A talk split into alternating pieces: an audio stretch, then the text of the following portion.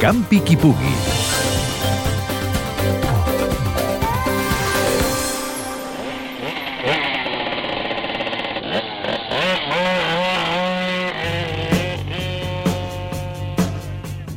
...30.000 espectadors, més de 40 equips, prop de 150 pilots i més de 14.000 voltes a un circuit d'enduro durant 24 hores seran els principals ingredients d'aquest ja clàssic esdeveniment esportiu.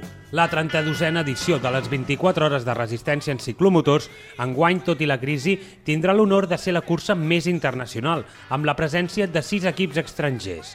Ho explica el director del grup 24 hores, Francesc Padró.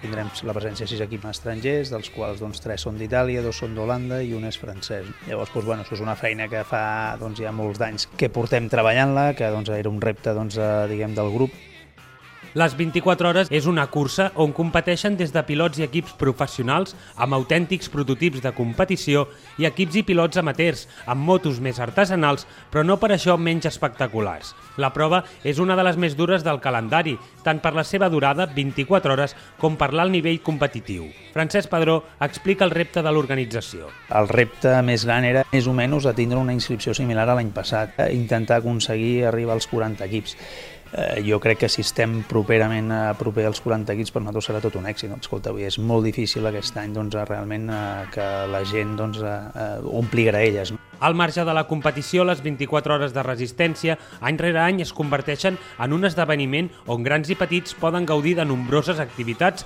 que fan d'aquest circuit un gran parc temàtic amb el motor com a fil conductor.